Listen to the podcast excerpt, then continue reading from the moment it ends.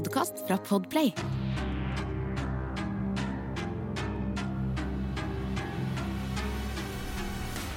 Hei og velkommen til Forsyningsfredag podcast. Eh, før vi hopper inn i denne episoden, så er jeg bare nødt til å anerkjenne at jeg har veldig veldig merkelig stemme i dag. Det er bare fordi at jeg har fått hevelse på stemmebånda.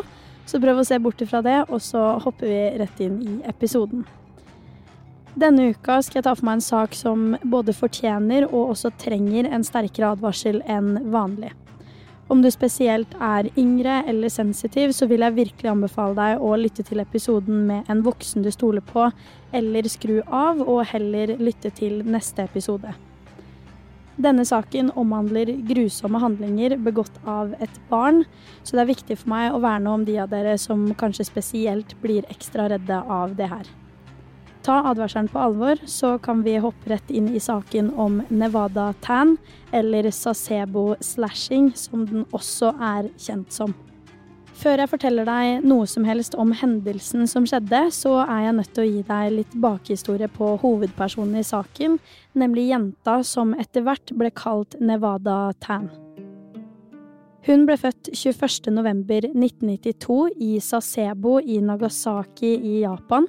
Her gikk jenta på skole, og generelt blir oppveksten hennes ansett som en veldig vanlig en, og egentlig ingenting utenom normalen. Nevada hadde helt ekstremt gode karakterer på skolen, og var virkelig et skolelys. I tillegg til det så hadde hun faktisk en IQ på intet mindre enn 140 som elleveåring. Nevada var også en veldig aktiv og sosial jente, og hun elska basketball. Hun spilte faktisk også på skolens basketballag en god stund.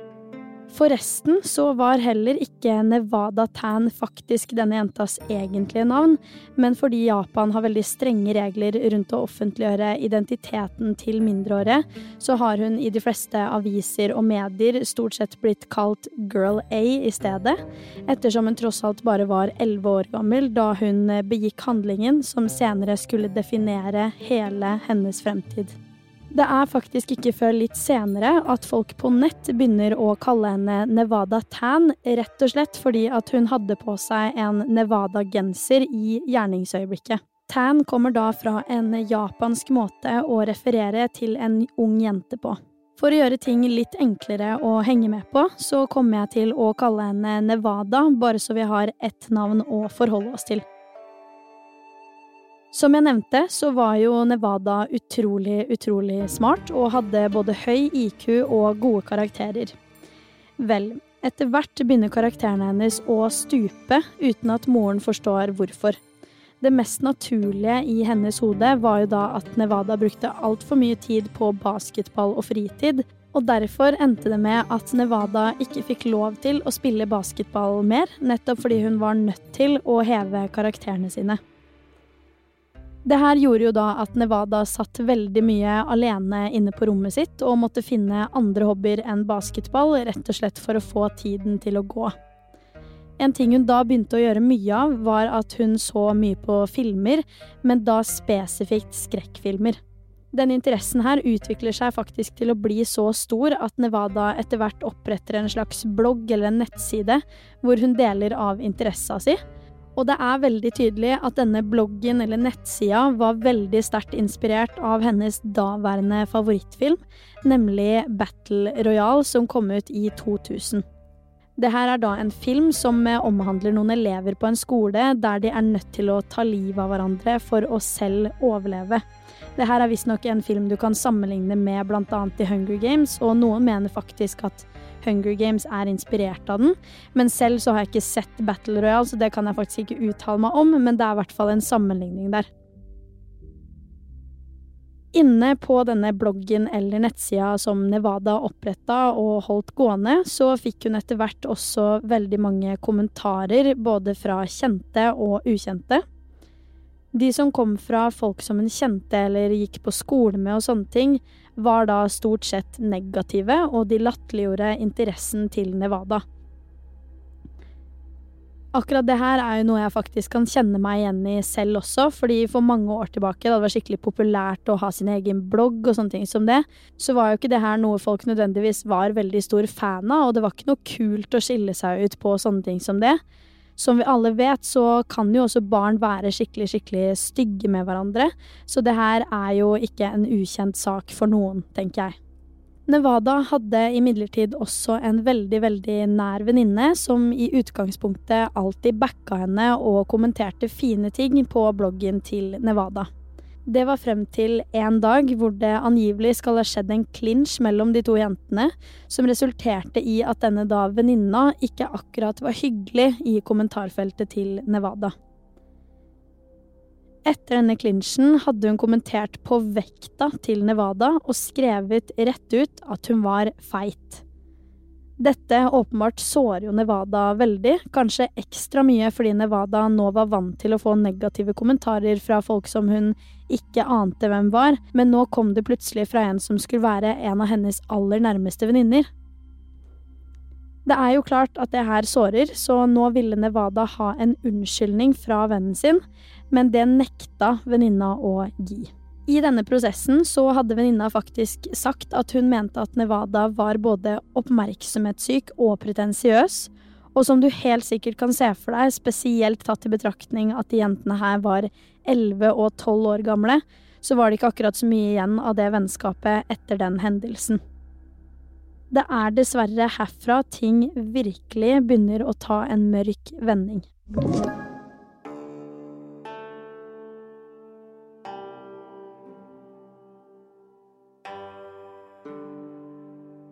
1.6.2004 er Nevada på skolen som alltid, men denne dagen er likevel alt utenom det vanlige. Denne dagen går hun nå bort til den nevnte eksvenninna og spør om hun vil bli med inn på et grupperom for å leke en lek med henne.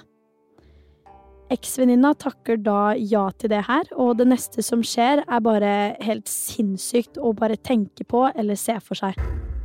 Nevada ber nå eksvenninna om å sette seg ned på en stol, og helt uten forvarsel ender så Nevada opp med å bruke en pappkniv til å kutte eksvenninna si over strupen og også på begge håndleddene. Etter å ha gjort det her, så går Nevada ut av grupperommet, mens den tidligere venninna fremdeles er inne i rommet. Nevada går videre inn i klasserommet som de begge to hadde kommet fra, og hun var tildekket i blod. Nå skjer ting veldig fort, fordi noen må jo ha kontroll på Nevada. Hun ser jo ikke bra ut der hun står, mens læreren som visste at Nevada nettopp hadde vært med en annen elev på et grupperom, måtte jo finne den andre eleven så fort som overhodet mulig, fordi det her ser veldig, veldig brutalt ut. Når Nevadas da tidligere venninne omsider blir funnet, så står ikke livet hennes til å redde. Da ambulansen ankommer skolen, så er jenta allerede død. Noe jeg syns er veldig interessant her, er at Nevada umiddelbart innrømmer at hun har gjort noe galt, da hun blir avhørt av politiet samme dag.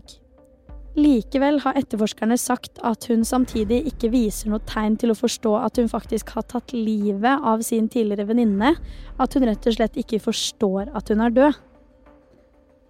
I avhør forklarer Nevada at grunnen til at hun valgte å gjøre som hun gjorde, var av kommentarene som eksvenninna hadde skrevet på nettsiden hennes.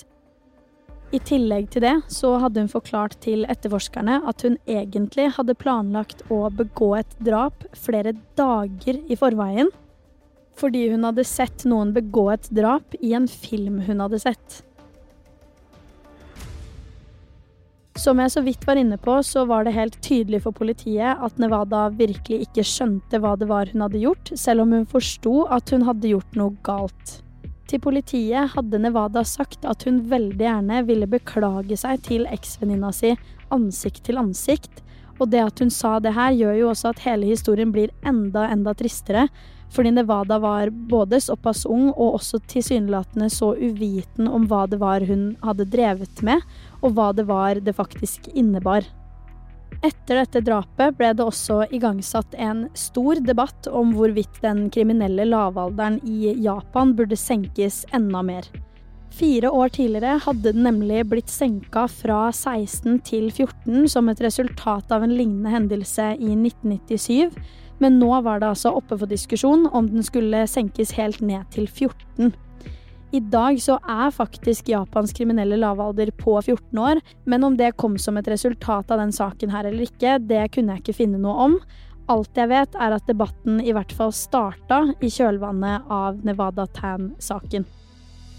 En annen del av hendelsen som jeg personlig syns er helt grusom, er det faktum at Nevada faktisk ble en helt på nett for flere inne på ulike forum. Folk begynte å cosplaye Nevada, og ting gikk faktisk så langt at universitetet i Nevada var nødt til å slutte å selge hettegensere med samme print som Nevada Tan brukte, fordi de ble så mye solgt og deretter brukt til helt forferdelige formål. 15.9.2004 blir Nevada Tan dømt til to år med tvungen psykisk helsevern, men blir i september 2006 videre sendt i fengsel som et resultat av en psykologisk vurdering de tok. Så er det noe skolen, familie eller lignende kunne gjort for å forhindre den situasjonen her?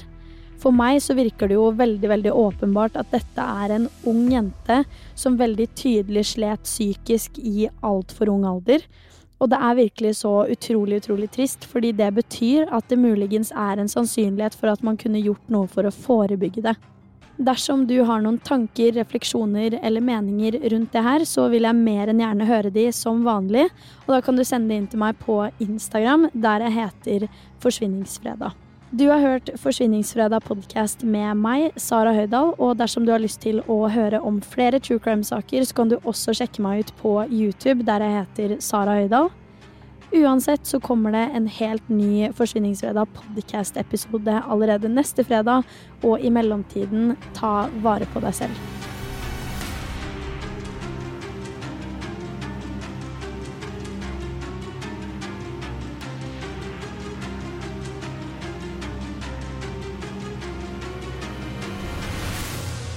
Du har hørt en podkast fra Podplay. En enklere måte å høre podkast på. Last ned appen Podplay, eller se podplay.no. Ungsamtalen fra DNB er økonomisk veiledning tilpasset deg som er ung. Bokk en ungsamtale på dnb.no. slash ung. Det er kjempebra hvis du skal inn på boligmarkedet! Hvis det er drømmen din, liksom. Det er det du skulle sagt. Og så kunne du ropt litt mer, da, sånn som jeg gjorde. Bam! Åh,